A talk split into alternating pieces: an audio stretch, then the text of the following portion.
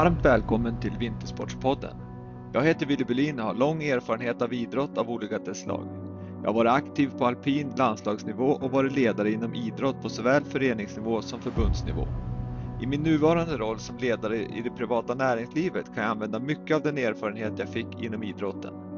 Detta avsnitt är i samarbete med Brooks, eller The Running Company som grundades 1914 och är helt fokuserade på löpning. Med sin slogan Run Happy har Brooks som mål att inspirera alla att springa sin egen väg till ett bättre liv.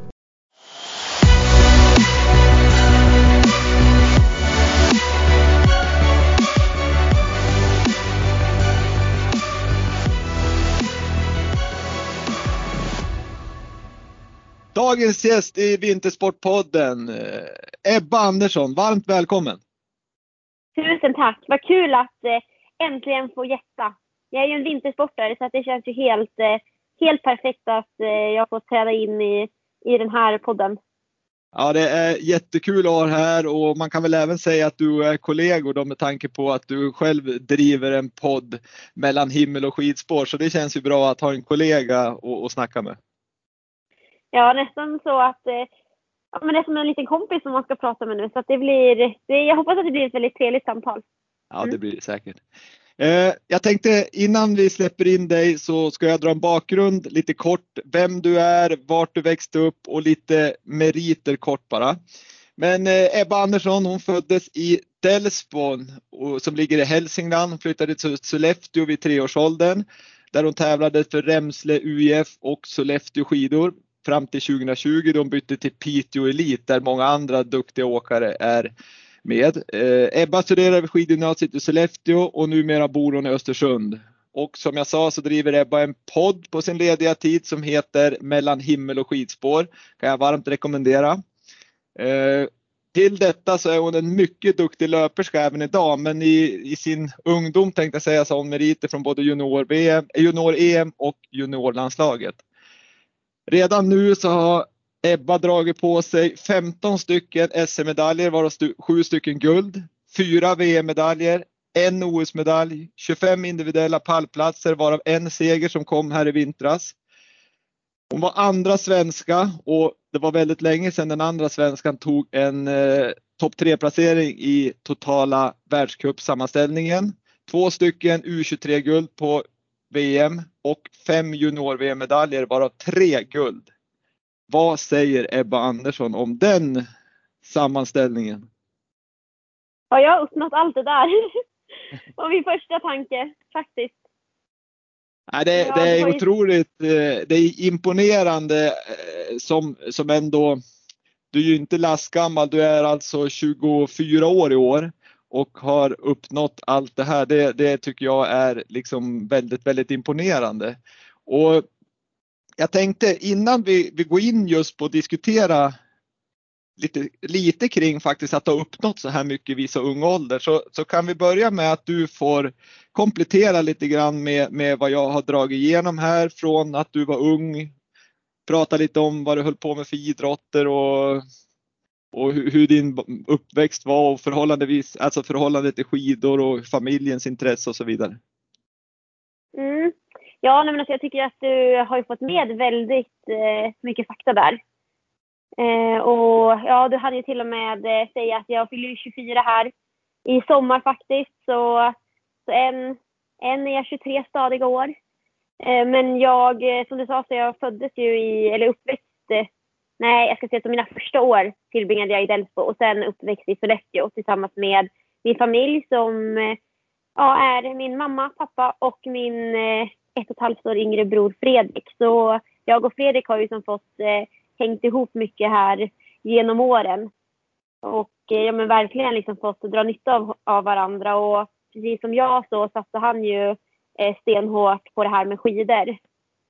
Eh, så vi kan ju som, ja, men ha ett ett väldigt bra utbyte av varandra. Hur, eh. hur, hur kom det sig just att, att höll du på med några andra idrotter när du var liten förutom löpningen då? Men, men var det ett naturligt val genom mamma och pappa eller var det någon annan som påverkade att det just blev skidåkning? Nej men alltså så här är det att mamma och pappa de tog med mig och min bror ut i skidspåret ja, vid jättetidig ålder. ja, men liksom så fort det egentligen var möjligt. Men jag själv ja, och min bror också såklart, vi fann ju kanske inte just något intresse i det och, och ja, men, tyckte att det var mycket, hell, mycket roligare att ja, men, hellre hålla på med andra idrotter. Och bland annat så tyckte jag ju att det var absolut roligast att eh, hänga i slalombacken. Eh, spenderade mycket av min fritid där. Åkte liksom upp i liften och så sen ner för backen och så upp i liften och ner för backen. Eh, och i tillägg till det så spelade jag fotboll. Mm. Sen kanske någonstans i kring 9-10 år så eh, minns jag det som att de var på vår skola.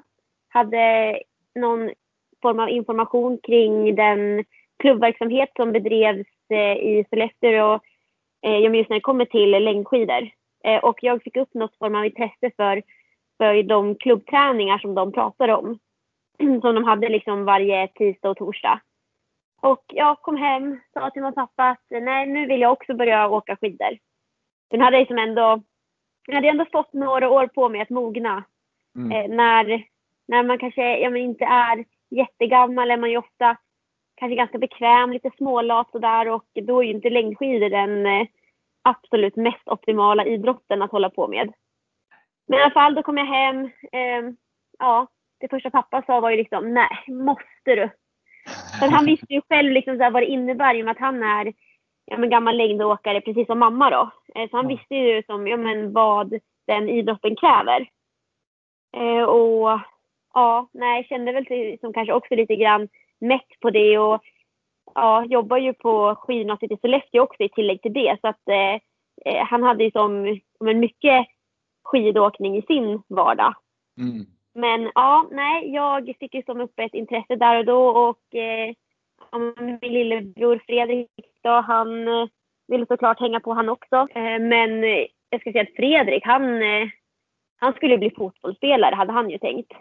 Ända fram tills han eh, skulle välja gymnasium. Då slutade det med att, eh, ja, att han ville gå skidgymnasiet och på den vägen så trillade han in på det här spåret då. Efter att ha hållit på med skidåkning också i, i sin ungdom. Mm. Men sen, ja, eh, du frågade ju om fler idrotter. Ehm, alltså det är ju egentligen längdskidor och så sen ja, men har jag som sprungit en del vid sidan om det. Spelat fotboll, hängt mycket på min fritid i slalombacken och så sen så en gång i veckan så var jag med i, nu inte det kanske idrott då, men jag bedrev i alla fall eh, ja, men lite grann av min fritid att vara med i kulturskolan och dansade. Ja, vad trevligt. Ja, ett sånt här, ja men vad ska jag kalla det för? Street dance, eh, showdance, lite så. Eh, så det, det, är ju, det är ju riktigt, ja men det är ju riktigt bra för rörelsen och, och koordinationen och hålla på med sån dans. Men, men just du, nu har du berättat att du hållit på med en hel del idrotter och, och hur, hur, känner du nu liksom med, med, när du ändå sitter med något facit i hand? Har du fått ut någonting av att hålla på med olika idrotter eller hade du liksom eller känner du att det spelar ingen roll hur, hur din uppväxt hade varit? Gud, det är jättesvårt att säga i och med att jag som vet ju bara det som jag själv har upplevt och ja, men utöver de alla idrotter som jag ja, men höll på med lite mer flitigt så provade jag ju på väldigt, väldigt mycket också. Mm. Eh, ja, men liksom provade på handboll, innebandy. Jag hade tänkt börja med gymnastik men det fick ju som stå åt sidan liksom för eh, alla annan idrott och ja, men orientering och eh, provade jag ju också på. Så att eh, jag har ju som haft ett eh, gediget eh, idrottsintresse genom åren och har ju som fortfarande i och med att ja, det är ju en elitidrottare som jag ja. men numera ändå kan klassa mig själv som. Eh, men jag skulle ändå säga att eh, nej men alltså jag tror att eh, man ska försöka hålla på med så mycket man kan så länge som möjligt. Det tror jag, just för att eh, man får ändå någon form av allsidighet och eh, lär sig liksom mycket från eh, men alla de olika idrotterna. Det finns liksom alltid någonting som man kan plocka liksom. Och sen också hålla på med en och samma idrott från väldigt tidig ålder. Då tror jag att man har hunnit ledsna innan, innan det är dags eh, för den ja, riktiga satsningen att dra igång. Mm. Mm. Ja, men det, det, tycker jag är, intressant och jag tycker att jag kan följa något mönster när jag pratar med, med duktiga idrottare i tidigare poddar också att de, jag skulle säga att alla har ju hållit på med ganska många idrotter och, och alla säger i princip som du säger att det, det, är en fördel att ha gjort det och, och, att man försöker göra det så långt som möjligt. Sen, sen kommer det ju ett, ett bryt där man, där man måste välja för att det, det, det går liksom inte på något annat vis. Eh, men jag tänker, vi var inne lite grann på just det här med att du, du har hunnit med du har fina meriter trots att du, om jag får säga bara är 23 år så, så har vi räknat upp en hel del och, och tittar man här så gjorde det väl kanske om man säger ditt stora genombrott internationellt som senior. Det måste man väl ändå säga var när du var 19 år och tog silver i stafetten på VM i Lahti. Och som du sen följer upp 2018 på OS i Korea med ett nytt silver i stafetten och en fjärde plats hade du, tänkte säga dagen innan, men i tävlingen innan. Och då är du mm. 19 och 20 år. Det tycker jag i alla fall är, det är tidigt att, att ha gjort sådana fina meriter så, i, i så ung ålder. Men hur känner du liksom hur känner du inför framtiden just om jag säger det när du har uppnått så här mycket i ung ålder? Är det någonting som du känner att fasiken jag börjar bli mätt eller jag kommer inte kunna hålla på till 35 eller någonting? Eller hur, hur är din syn där? Jag eh, känner att trots att jag har uppnått väldigt mycket så eh, har jag som fortsatt mycket mer kvar att eh, uppnå. Och i tillägg till det så känner jag också att eller jag hoppas att jag inte har nått min eh, absoluta peak som skidåkare, att jag har nått min, min liksom toppförmåga. Jag tror ju att jag kan bli eh, fortsatt mycket bättre, eh, att jag fortsatt har ja, men mer att utveckla.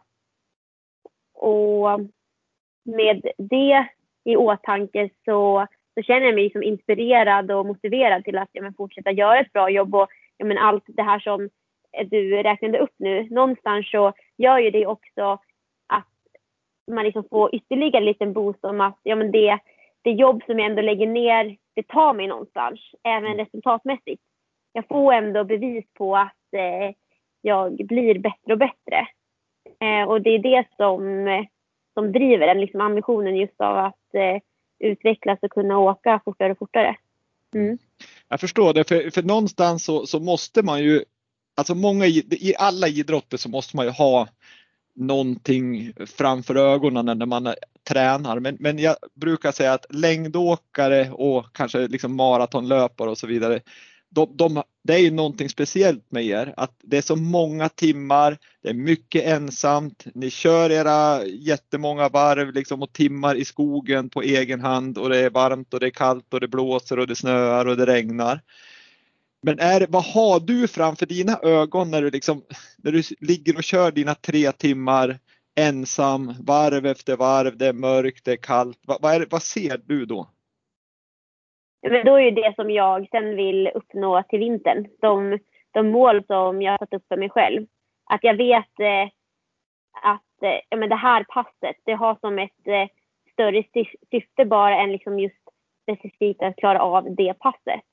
Och det är det som, eh, som gör att man klarar av att eh, ja, pina sig igenom även de liksom, mest eh, trista och tråkiga timmarna. För att eh, även om jag tycker att det är jätte, jättekul att, att träna så är ju inte alla timmar på ett träningsår är ju inte några som man gläds åt. Det finns ju ändå ett antal timmar som man känner att nej, alltså nu hade jag kanske ändå gärna velat göra något annat. Men det är ju som ett arbete som krävs och ja, i grund och botten så, så gillar jag det väldigt mycket.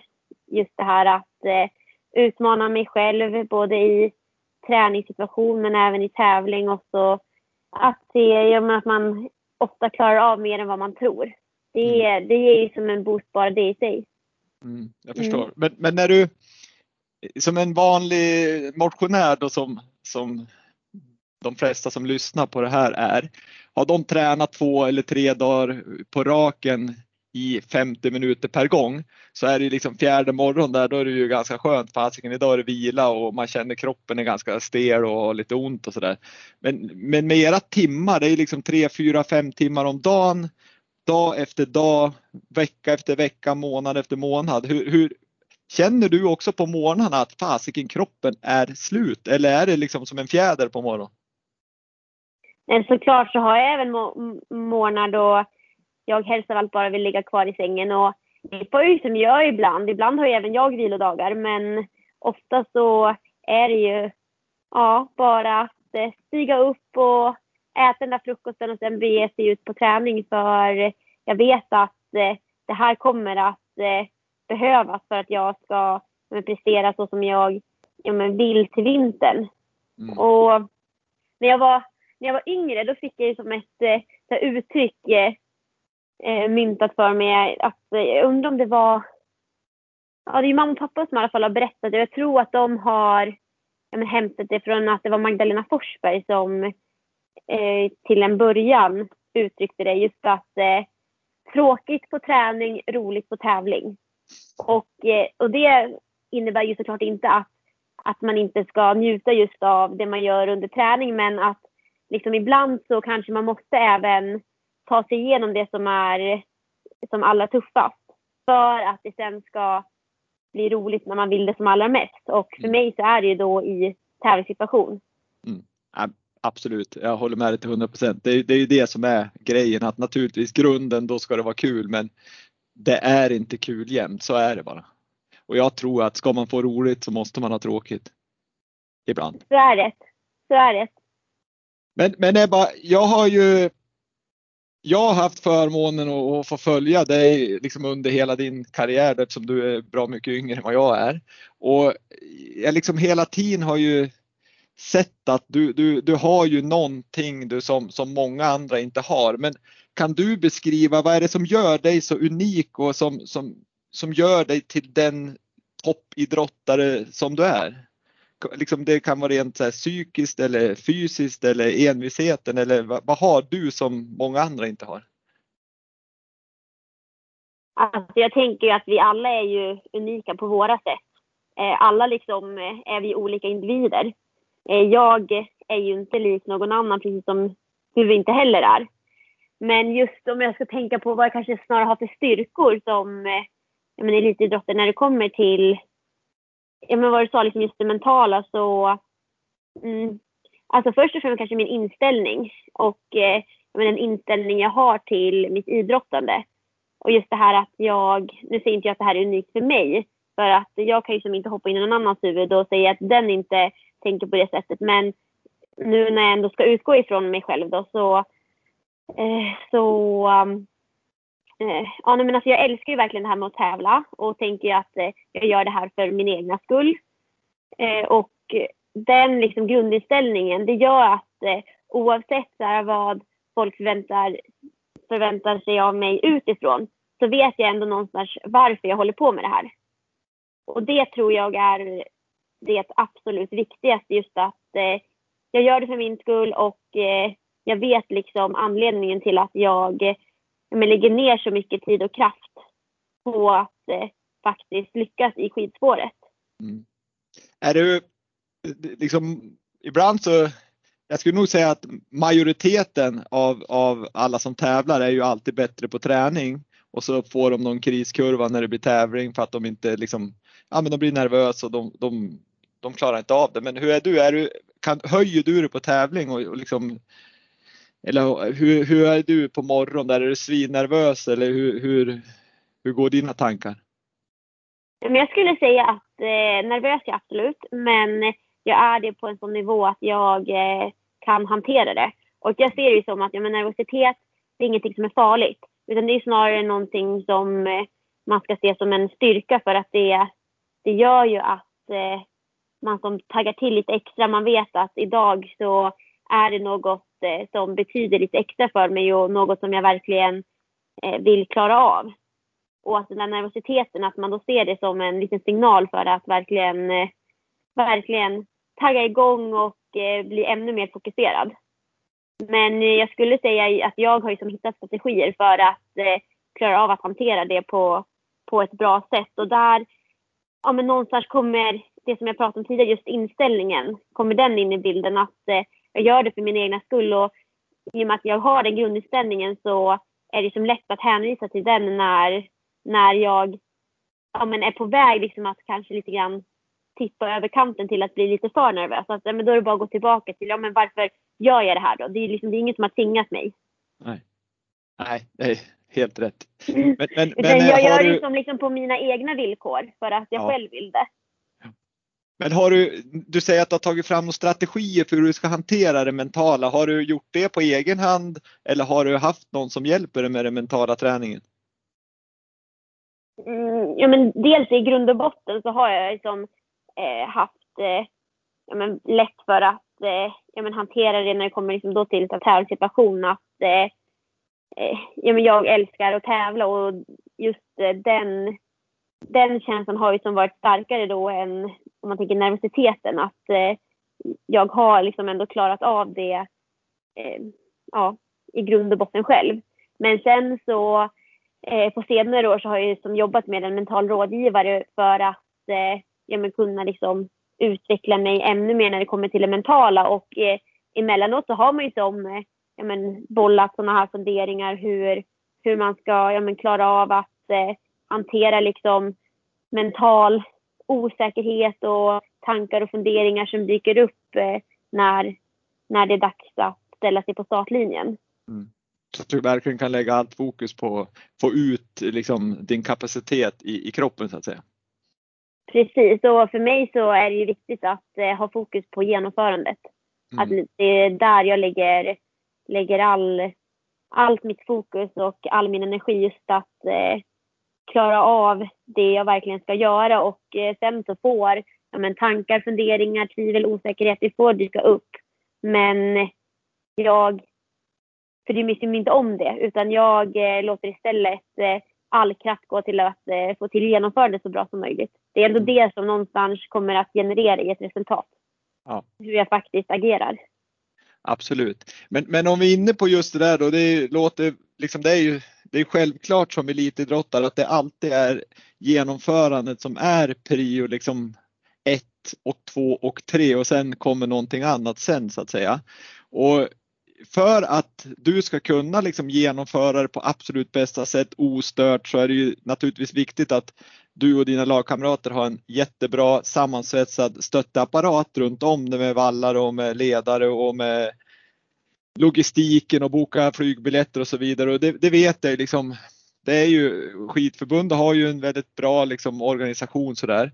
Men, men det var ju lite stökigt här för något år sedan kring, kring några liksom, ledare i ledande position bland annat och Valla-teamet var ju också i lite turbulent där.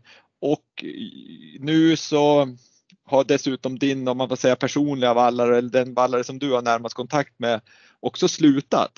Men hur, hur påverkar, just när vi pratar om genomförande, hur påverkar dig det, den här situationen påverkar dig eller lyckas du sortera bort det?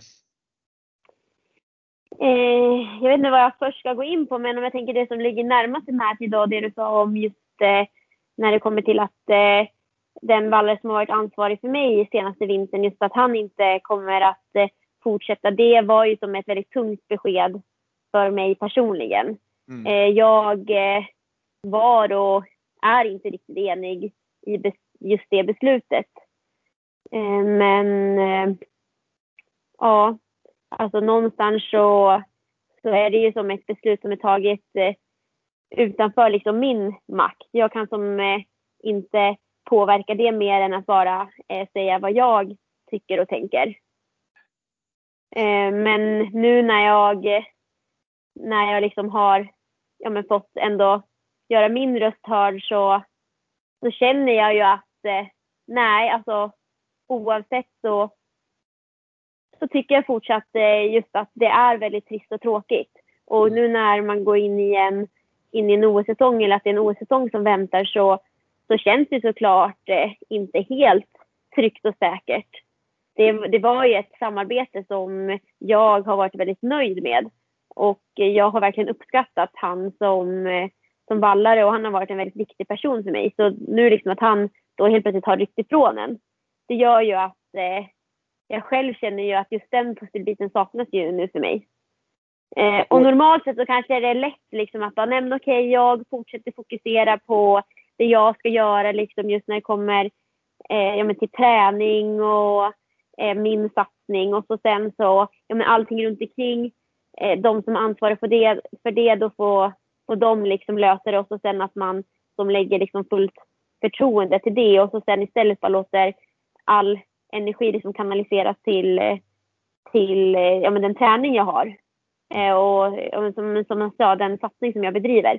Men just i det här fallet så, så ja, men känner jag att eh, det har varit eh, lite för viktigt för mig för att jag bara liksom ska kunna rycka på axlarna och eh, gå vidare och se framåt. Utan det, det är med stor besvikelse som jag ändå någonstans eh, måste försöka hitta en acceptans i det. Mm. För jag, jag, förstår ju liksom, jag har ju också upplevt det här med liksom jag har faktiskt själv varit liksom serviceman i världscupen åt, åt några åkare inom alpina. Då. Och, och, man får ju en väldigt fin relation till åkaren och, och, inom längdsporten så är det ju också relationen är ju en viktig del som den här vallan var ju förmodligen en, en, en väldigt bra stöttepelare till dig men även då tänker jag liksom just det här att, att du kan känna dig trygg med att personen vet hur den ska testa ut skidorna, vad du gillar för lenhet på vallningen och, och, och så vidare. Så att, nej, jag förstår att det, det, tar nog ett tag innan man bygger upp ett förtroende hos någon ny. Så att jag har full förståelse för att det blir jobbigt. Ja, och helst också nu när jag varit så nöjd med det eh, samarbetet, både utifrån ja, men, hur vi har kommit överens eh, ja, men rent personlighetsmässigt men sen också den kompetens som jag upplever att min vallare besitter. Mm. Eh, han har sån väldigt eh, hög kunskap när det kommer till det här med skidor och vallning. Och därför så känns det så tråkigt att eh, liksom inte få nyttja, nyttja den för mig då. Och sen så, ja, alltså längdskidor det är ju en materialsport. Det är ju mm. väldigt viktigt att eh, få till bra material, annars har man inte förutsättningar för att prestera. Och det gör ju att eh, det känns ja, men ännu tyngre just i och med att eh, det fortsatt är väldigt viktigt. Det är liksom inte bara att eh, jag sätter på mig ett par skor och sticker ut utanför dörren för att jag ska kunna få till det jag vill, liksom som om man tänker en, en löpare gör. Utan jag måste ju också ha materialet på plats. Mm. Mm. Ja, Nej, det, det, jag förstår att då, så egentligen min första fråga där då när det var, ledande, när det var ledare i ledande position som slutade mm. så är det värre egentligen att en vallare slutar. Eh, ja, alltså i alla fall eh, om man tänker för mig på individnivå då. Ja. Eh, just i och med att eh, det verkligen blir en sån viktig person för mig personligen. Mm. Medans, eh, ja men är det en, vi ser en landslagschef så kanske snarare liksom verksamheten i stort som blir påverkad. Mm. Men då som jag sa så har det som då varit lättare för mig just att eh, ja, men låta de som är ansvariga för det sköta det och sen fokuserar jag på det jag ska göra. Just i och med att jag kanske inte blir, eh, jag blir som indirekt påverkad men liksom inte direkt eh, påverkad. Så som det har varit nu när jag har ja, tappat min eh, ballare. Ja. Nej, men det är mm. tråkigt och jag hoppas verkligen att, eh, att ni hittar en lösning antingen med befintlig person eller att ni naturligtvis då, att ni kommer hitta en ny, det kommer ni göra, men att du får till ett, ett lika bra samarbete om det blir ny då. Så att det får jag verkligen hoppas. Eh, om vi går vidare lite mot eh, ditt träningsupplägg så är jag lite liksom intresserad av, av eh, dels om vi börjar med hur, hur, liksom, hur planerar du träningen om man tänker på de fyra årstiderna vi har sommar, höst, vinter och vår. Grovt bara liksom att har du någon speciellt fokus på hösten och något på vintern och något på våren och något på sommaren? Ja, men det skulle jag absolut säga och jag har ju min pappa som min personliga tränare eh, så vi lägger ju som ett eh, upplägg tillsammans utifrån det, det vi tror är det mest optimala för mig. Och där är vi ju vi är som inte alltid överens från första början alla gånger. Utan det kan ju som vara att vi får stöta och blöta lite grann innan vi som någonstans har hittat en, en, en bra väg framåt. Och ofta handlar det ju om att eh, jag kanske har ja men, väldigt höga ambitioner, vill väldigt mycket och han får ofta då kanske steppa in och ja, men lite grann dra i handbromsen för att det inte ska bli för mycket. Mm. Och, och det, det har ju som, jag har ju som ändå fått erfara att, eh, att emellanåt så har det ju varit eh, med väldigt stort värde just för att man själv kan ju som inte alltid se sina begränsningar. Man tror ju någonstans att man är typ är gjord av stål och kan klara av hur mycket som helst men vi alla är ju bara människor och någonstans så kommer man till en gräns när, när det kanske tippar över lite för mycket. Mm. Eh, men eh, om jag skulle säga då just där som när det kom till årstider så Ja, nu den period jag befinner mig i nu då eh, så är det ju mellan om man tänker då tävlingssäsong och tävlingssäsong och där eh, så jag lägger mig inte helt på soffan och eh, bara rullar tummarna och tittar upp i taket. Det gör jag inte. Men däremot så eh, låter jag som kanske inte en, en styrd plan vara prio ett. Utan jag tränar lite mer efter känsla och lust. Mm. Eh, och eh, jag har skämtat om det här nu att jag planerar min träning efter väder. Eh, Fint skare, då blir det mycket så, Ja, men, ja då, då, blir det, då blir det skaråkning och ja, men är det ett väldigt fint väder då är ju Nej, då har jag jättesvårt att planera in en vilodag. Det har ju till och med varit så att eh, ja, men man har vaknat på morgonen och tänkt nej, men, att jag ska vila idag och så sen har man tittat ut genom fönstret och bara nej, det ska jag definitivt inte för att eh, solen skiner och det är ju helt optimalt för att sticka ut på, på skidor och, och nyttja det skidföre som är. Så då går ja. jag lite mer på känsla. Ja, men, va, det, och, och det, du får gärna sticka in. Nej, men och det måste ju vara jätteskönt ändå liksom, när, ni, när är så styrd mer eller mindre 11 månader per år eller 11 och en halv kanske och så får ni en period som ändå är härlig och med ljust och det börjar vara varmt och skönt och så ska det och så vidare att man verkligen kan göra det lite mer på känsla. Ja, och jag tror det är viktigt att eh, ja, men ändå ha något form av break för att vara redo ja, men sen när det eh, verkligen gäller att dra igång med träningen. Och just i år så har jag känt ett stort behov av att få det här breaket. Det har varit en, en rätt intensiv säsong och ja, men också en hel del restriktioner att eh, ta hänsyn till utöver allt tävlande. Så jag själv har ju känt som att nej, men det har varit krävande och ja, men just nu att ändå mentalt få ett litet break, det, det har verkligen varit på sin plats. Men sen då hur har, om vi bara säger det, hur har pandemin påverkat dig då tycker du liksom rent både träningsmässigt och, och psykiskt? Eh, ja, nej, men jag tänker att det är som eh, tufft eh, för alla så som det är och kanske framförallt just den här ovissheten att vi vet inte hur länge det här kommer att eh, fortsätta.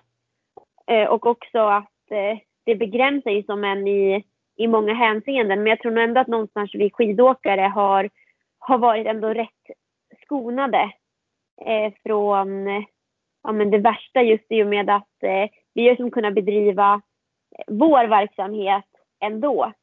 Jag eh, kan ju som sticka ut i skogen för mig själv och eh, genomföra mina träningstimmar utan, utan några helst, som helst problem trots att liksom eh, corona finns där ute någonstans och härjar.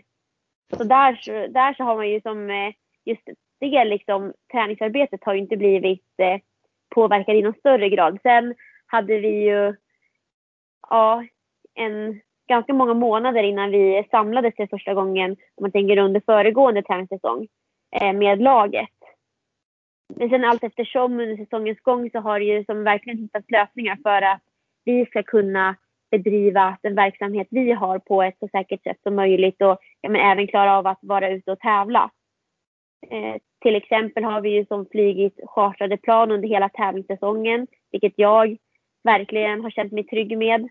Just att slippa de reguljära flygen och vi har ju coronatestats väldigt intensivt så att eh, jag tror säkert nu att eh, man börjar närma sig ett 30-tal tester den här vintern.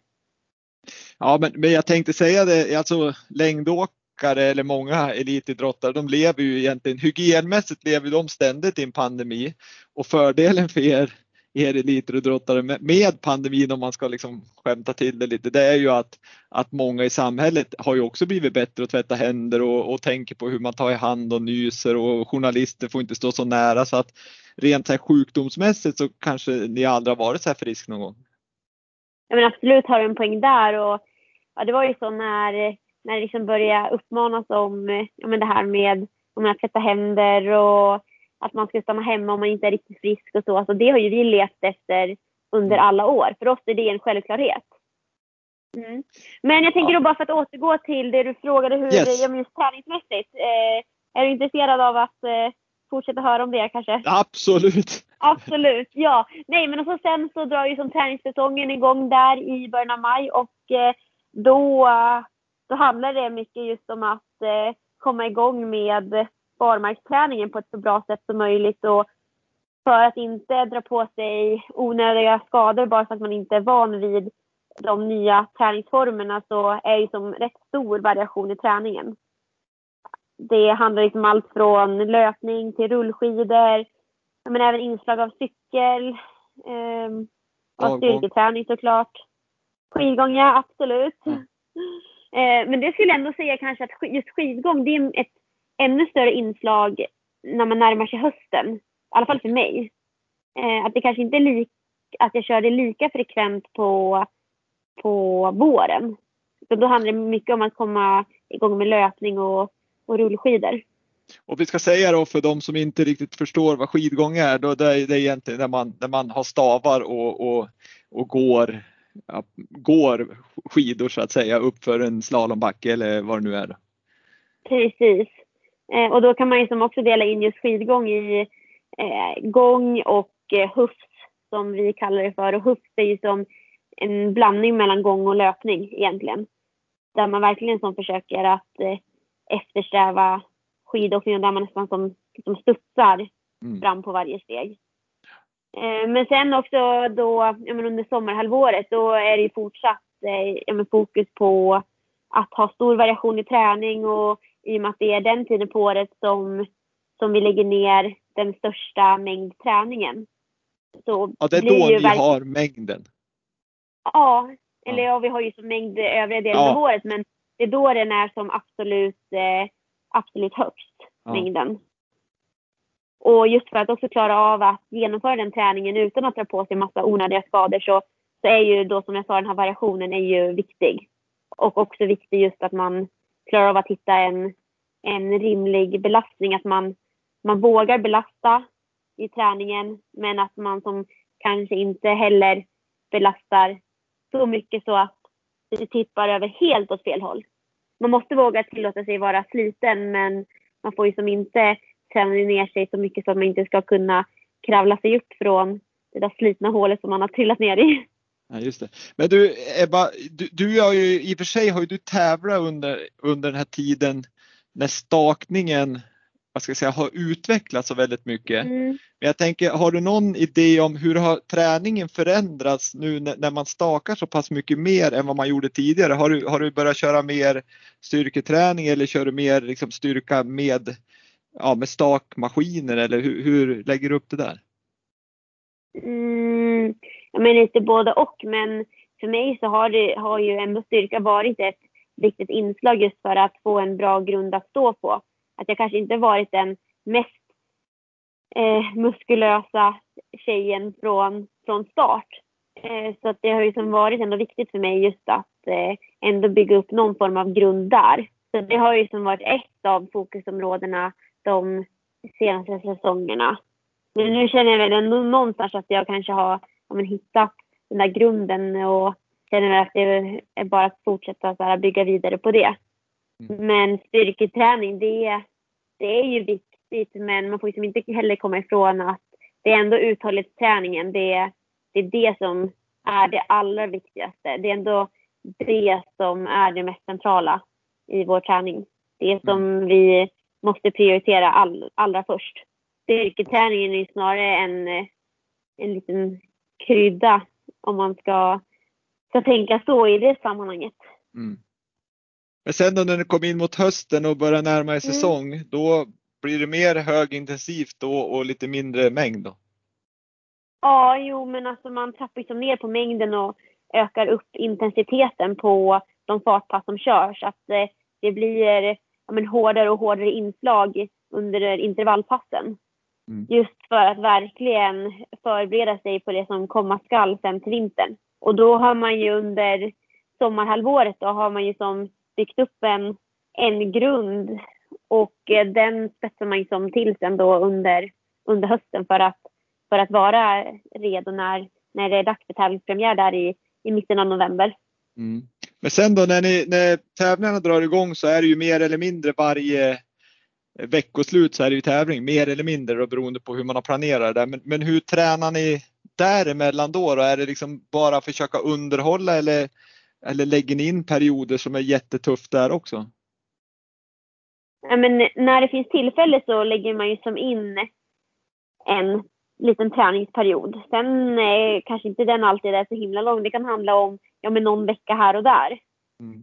Men mellan tävlingar då är ju ja, men fokus att eh, underhålla och eh, se till att, så att man är så, så fräsch man kan när det är dags för tävling igen. Att man som har återhämtat sig från den helg som var och sen eh, bara börja förbereda sig på att, eh, på att gå in i tävlingsmode igen och göra kroppen redo för det.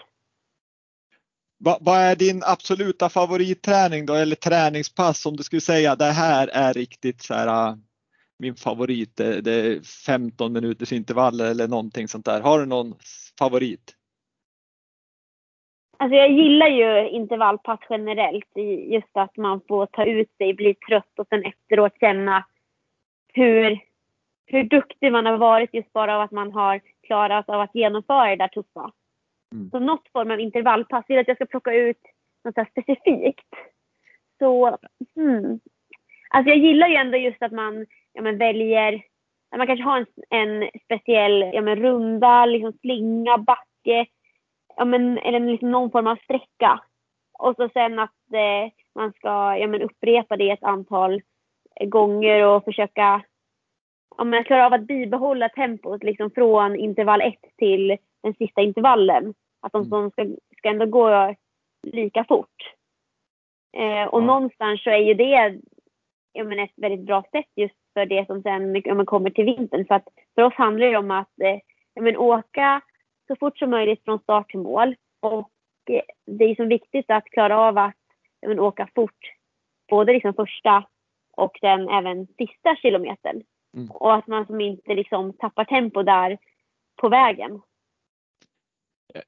Jag, jag förstår. Eh, själv så trodde jag faktiskt, nu är inte det, en, det är inte ett träningspass, det är ju mer ett test, men jag tänkte att du skulle svara Hallsta-testet som ett klassiskt för alla som är både alpinåkare och har gått skidgymnasiet i Sollefteå, men för många längdåkare så är det ett klassiskt test, Hallsta-testet. Och jag vet att, jag vet inte om det är prestige i det, men jag vet att du hade ett rekord och så kom din eh, före detta klubbkamrat Frida Karlsson och slog det där rekordet. Hur, hur liksom är det ett ett prestige att ha det där rekordet?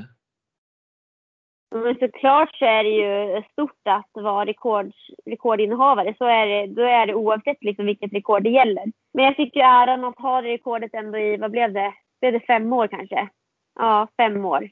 Eh, men eh, jag har ju som full förståelse för att, eh, att Frida klarade av att springa lite fortare. Och jag själv kan ju ändå säga att ja, men de senaste åren har jag som inte heller Eh, ja, men riktigt gett det någon chans. Jag har haft mina min knäproblem, skadade knät eh, rätt rejält 2016 och sen efter det så har ju som löpningen varit en rätt begränsad del i min träning. Men jag sprang faktiskt eh, halvtestet här i somras och eh, var, var inte allt för långt ifrån det rekord som jag hade. Så det ger mig ändå någon form av tro om att jag åtminstone ska kunna slå mitt personliga rekord. Eh, det, det har jag som tidigare tänkt att nej, det är helt uteslutet. Den, mm. den tiden, den var liksom förbi. Du ger oss en hint där om att vi kommer läsa i någon av våra kvällstidningar i sommar att eh, Ebba Andersson, ny rekordhållerska för Halsta-testet. Och för er som inte vet vad Halsta-testet är då så är det ju helt enkelt att man, man springer från botten av Halstaberget, alltså slalombacken i Sollefteå upp till toppen på en skogsbilväg kan man säga. Mm. Eh, så att, det, är som inte, det är som inte raka vägen upp utan det är ju det är ju som en, ja men som du sa, en, ja, en grusväg är det ju som, som slingrar sig upp. Så att det, det är ändå som ett löpvänligt test. Man behöver liksom inte gå någonstans. Utan det, man kan ju som ändå ja, men hålla löpsteg hela vägen. Men det är motlut hela vägen? Mål. det är motlut hela vägen så det finns liksom ingenstans eh, där man får någon form av återhämtning utan det stiger som bara på. Så när man kommer där sista delen då, då är det ju riktigt jobbigt alltså. Men desto skönare när man väl är i mål. Jag förstår. För den känslan den är obeskrivlig. Men ja, nej, alltså jag vill inte att du ska ja, men, ge lyssnarna någon form av eh, tro, förhoppning, förväntan om att eh, det, det, där rekordet som ja, men, Frida tog i somras, att det ska putsas. Utan jag tänker att jag måste ju först som rikta in mig på mitt personliga rekord. Att jag klarar av att slå det jag ja, men, tidigare har gjort. Det måste jag som först, eh, först greja innan jag kan blicka vidare från det. Ja. Nej då, det, det har vi full förståelse för. Men du, en, en, sak som jag tror, vi ska ta det här lite kort innan vi går in på lite andra frågor. Men jag tror att både jag och, och lyssnarna är ganska intresserade av att få en förståelse över hur mycket ni tränar, eller du tränar. Om, om, om du tar en stenhård vecka under liksom din uppbyggnadstid, kan du bara ge liksom hur ser en sån ut i grova drag? Är det två pass om dagen eller kör du fem timmar om dagen, ett pass eller hur, hur liksom grovt bara?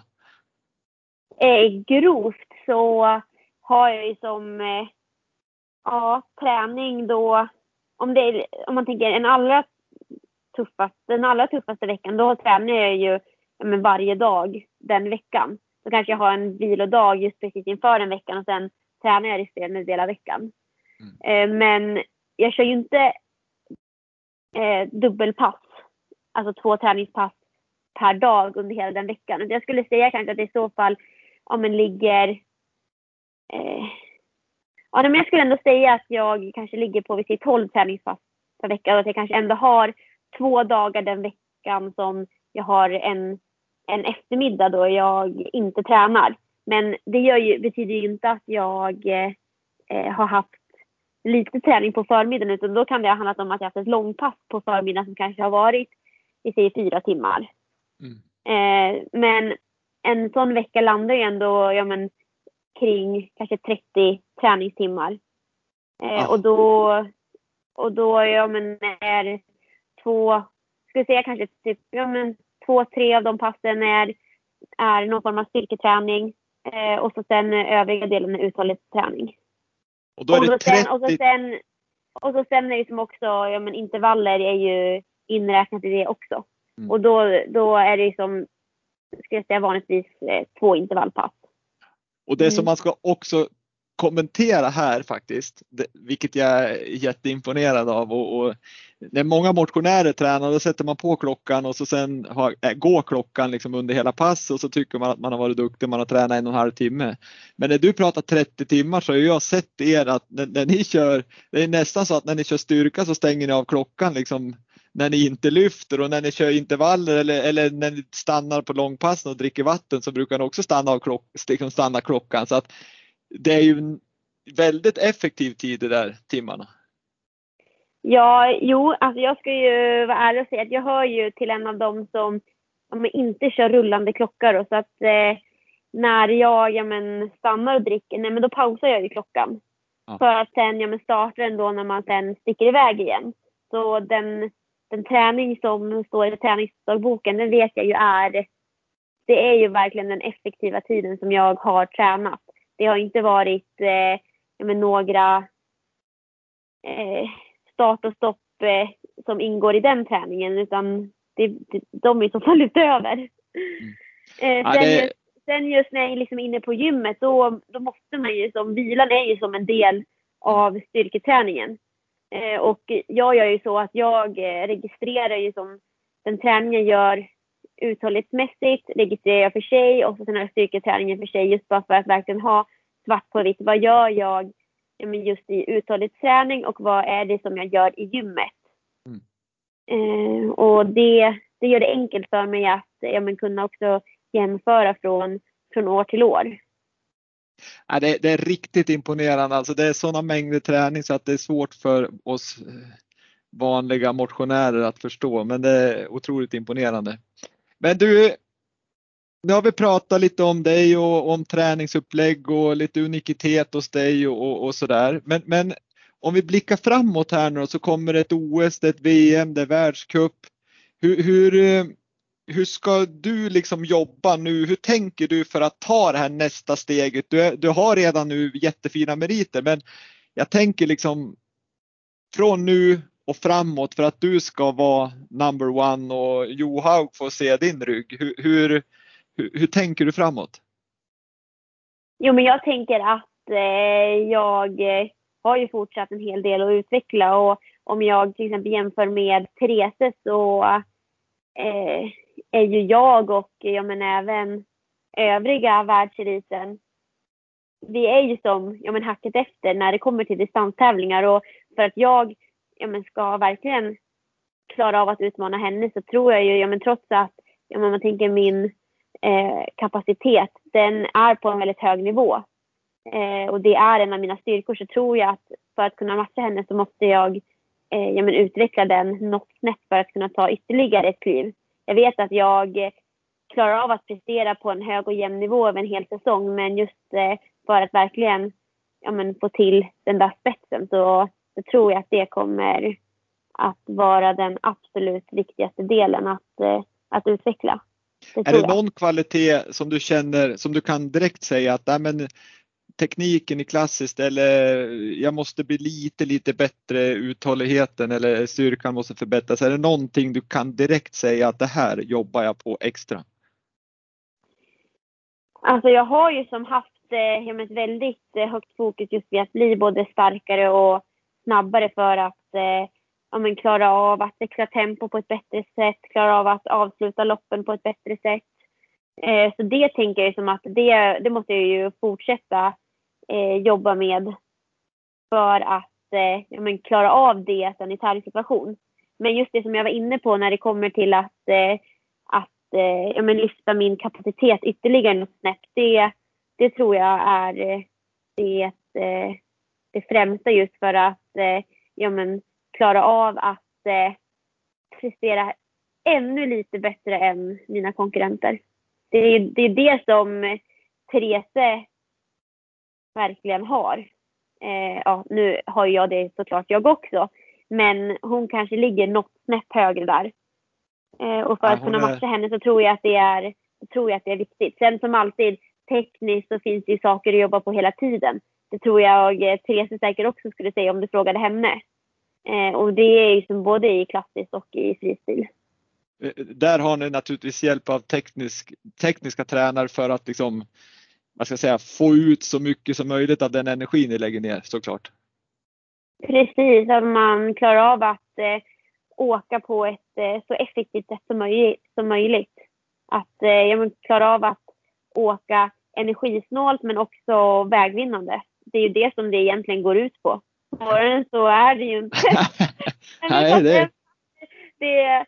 Det, kan låta så enkelt men ja, nej, det är komplicerat det här med eh, teknik det är det. Det sa Ingmar Stenmark en gång och det är svårt att förklara för de som inte begriper. Eh, så, så är det. Det ser alltid enkelt ja, det var, ut. Det var, det, var, det, var ett bra, det var ett bra uttryck faktiskt. Det måste jag ja. ge. Men, men, eh, men det är ju alltid kul att se er som är så här duktig på, på en idrott oavsett idrott att det ser så otroligt enkelt ut och så tänker man själv att nu ska jag ut och åka som Ebba Andersson men då är det inte lika enkelt när man själv ska utöva det så att det, det, det är kul att, att se. Det är verkligen som en dans. Det är underbart. Men du. Eh,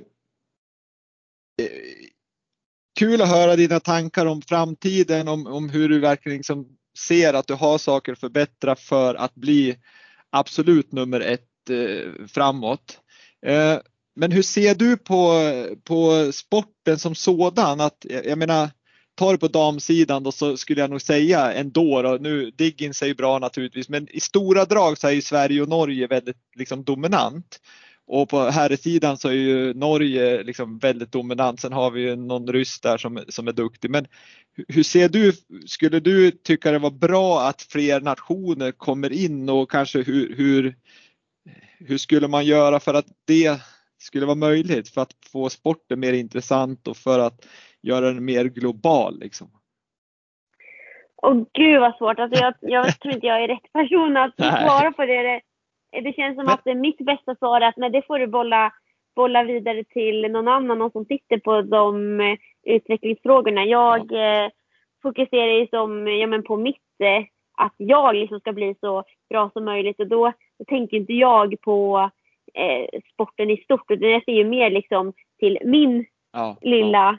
verksamhet och ja, men så som jag sa så har jag liksom mycket att utveckla och eh, ser ju som, ser ju som verkligen till det och eh, jag tänker som också, ja men just det bara för att eh, eh, återkomma till vad jag behöver utveckla så tänker jag också att eh, ja men även taktiskt tror jag är viktigt att, eh, att jag, ja men även ja, klarar av att eh, få till det lite bättre än vad jag har gjort eh, ja, men vid några tillfällen de senaste säsongerna. Det kanske som inte alltid är det som jag har allra lättast för men samtidigt så lär man sig ju saker hela tiden.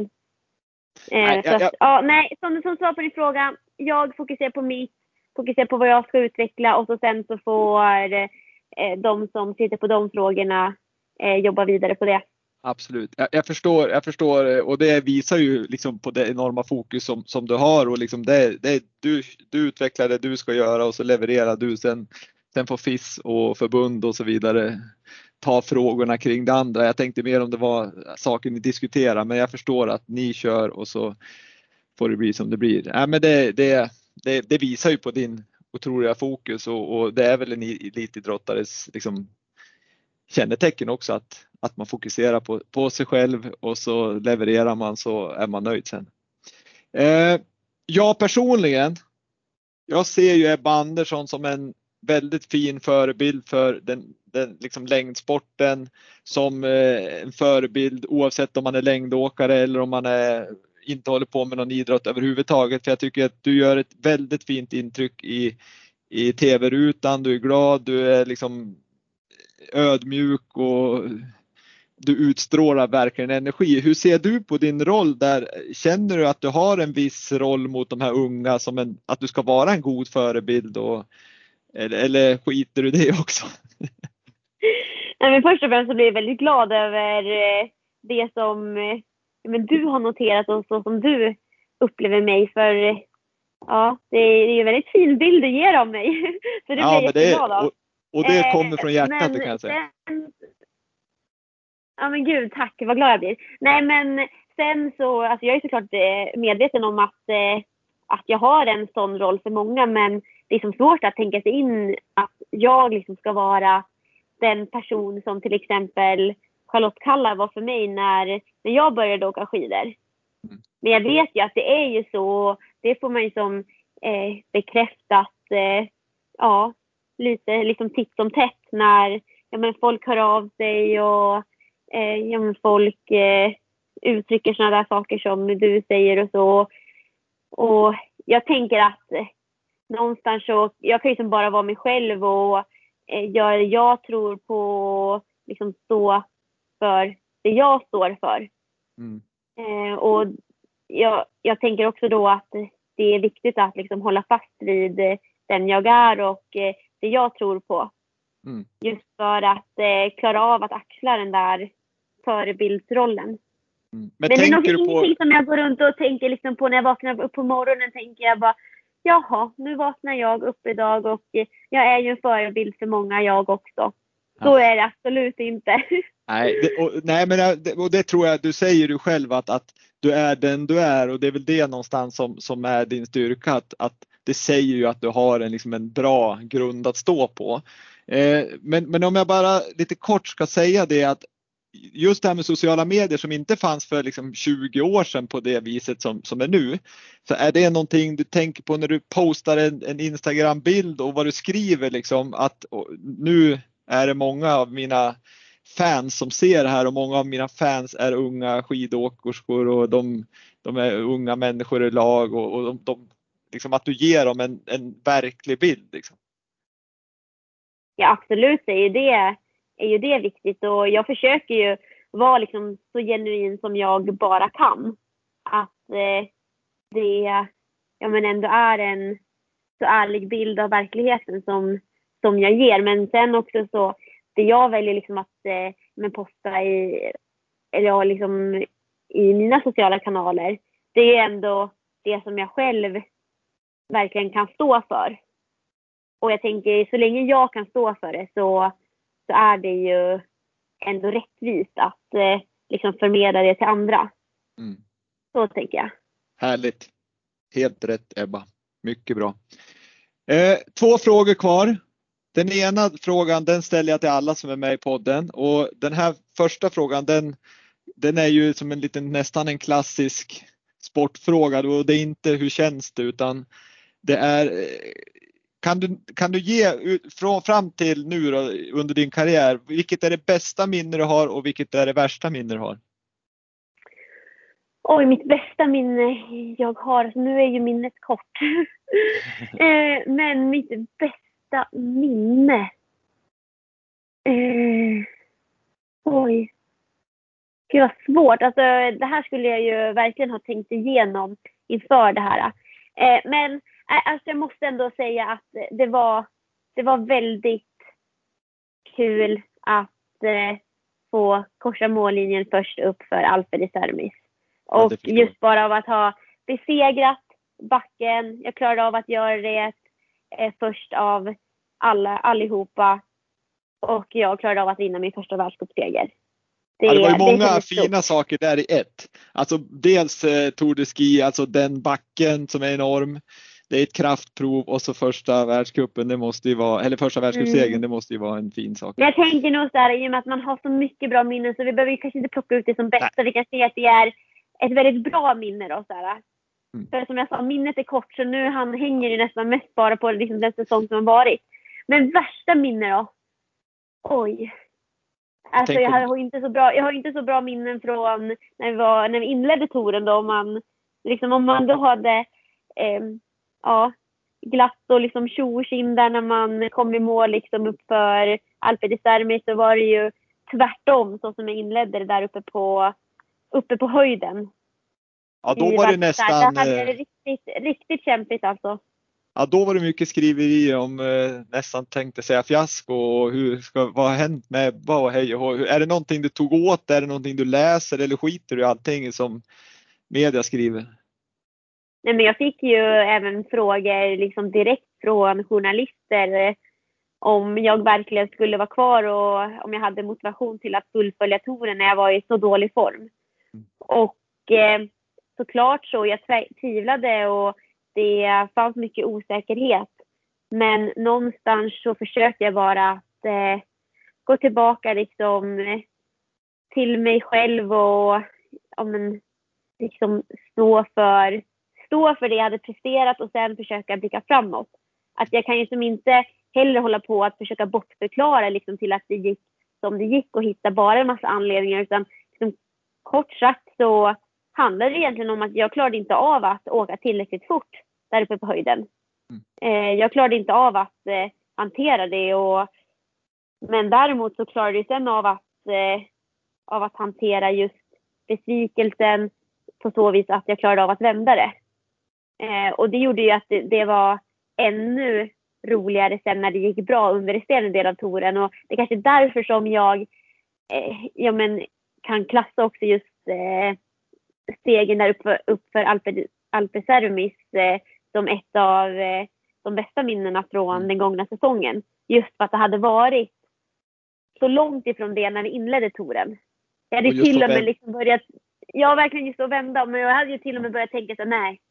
Alltså jag har gjort mitt som längdskidåkare, jag har inte det som krävs längre. Till och med sådana tankar puppade upp när, när eh, det var som mest jobbigt mentalt.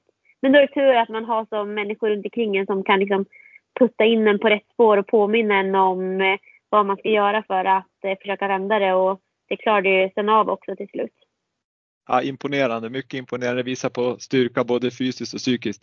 Men jag, jag, tänker på en sak där du säger att, att du hade lite svårt att prestera på höjden. Är det någonting som, eh, som du oroar inför OS här som kommer? Är inte det på rätt så hög höjd? Eh, jo men precis som du säger så kommer vi att tävla på, jag undrar om det är nästan 1800 meters höjd, så det är ju som eh, den maxgräns som är för, som man får tävla på. Men jag känner inte just någon större oro till det i och med att jag har många bra erfarenheter från höjd också. Eh, och senast eh, här när vi avslutade världscupsäsongen så klarade jag av att prestera trots att vi tävlade på nästan den höjden. Vi var ju som ändå, ja men vi var liksom upp mot eh, maxgränsen och eh, vi hade ju fått en betydligt trevligare ingång till, till de tävlingarna i och med att vi, vi var där uppe på höjd och laddade eh, ett antal dagar i förväg, hann ändå få en fem, sex dagar och normalt sett är väl det kanske inte tillräckligt för att få en höghöjdsacklimatisering. Men det gjorde ändå någonstans att man fick någon form av anpassning. Mm. Eh, så att jag känner mig ändå lugn i att eh, det att, ja, men kommer att finnas tid till att få till de förberedelser som krävs för att, för att verkligen prestera när man vill det som mest. Och jag, jag, men jag har ju däremot fått svart på vitt att, eh, att förberedelserna inför är ju väldigt viktig då för mig. Just att jag får tid för den här anpassningen för att bara så som det var då när vi var i Valmestär så vi liksom bodde lågt, kom ner bara liksom dag, dagarna inför och verkligen kastades upp på höjden. Och det, det var inte optimalt för mig. I alla fall inte där och då. Så, så jag tror verkligen att det är en förutsättning för att jag ska kunna prestera på OS. Just att jag eh, får tillfälle att eh, verkligen vara på höjd och ladda. Härligt. Men vad bra att du, du har ändå goda minnen från höjd och du positivare och det är att du kan ta med dig en erfarenhet om, om vad du inte ska göra och, och snarare visa vad du ska göra. Så att, så att det är ju jättebra att man kan ta med sig av, av det man upplever i livet. Så det är toppen, det är roligt att höra Ebba. Eh, då har vi den sista frågan som du kan svara på väldigt kort och den ställer jag till alla gäster. Och den är ganska enkel. Den lyder så här att kan du nämna en framgångsfaktor för att lyckas inom idrott? Inställning. Härligt det att höra. Jag är det ett, eh, är en av de mest primära sakerna, tänker jag. Just att, eh, att man, ja men det som jag var inne på tidigare här under, eh, under poddavsnittet, just att, eh, att man vet varför man håller på med det och att eh, man har ja, rätt inställning till det man gör. och någonstans där så kommer ju även ja, men då drivet in. Att har man rätt inställning då genererar det ju till, ett, till en drivkraft som tar en framåt. Och det är ju framåt man vill. Härligt att höra Ebba. Yes. Eh, jag tackar dig otroligt mycket för att du har varit med i Vintersportpodden och eh, det är jag väldigt stolt över på grund av att jag tycker att du är en, en härlig människa, en fin idrottare med rätt inställning och eh, med det sagt så önskar jag er all lycka med grundträningen här i sommar och naturligtvis inför stundande vintersäsong där vi hoppas verkligen få se härliga framgångar med Ebba Andersson. Tusen tack och tack så jättemycket för att, eh, för att du ville ha med mig. Det, det är en stor ära som den vintersportare jag är. Härligt att höra. Stort, stort tack Ebba och lycka till! Tack så jättemycket!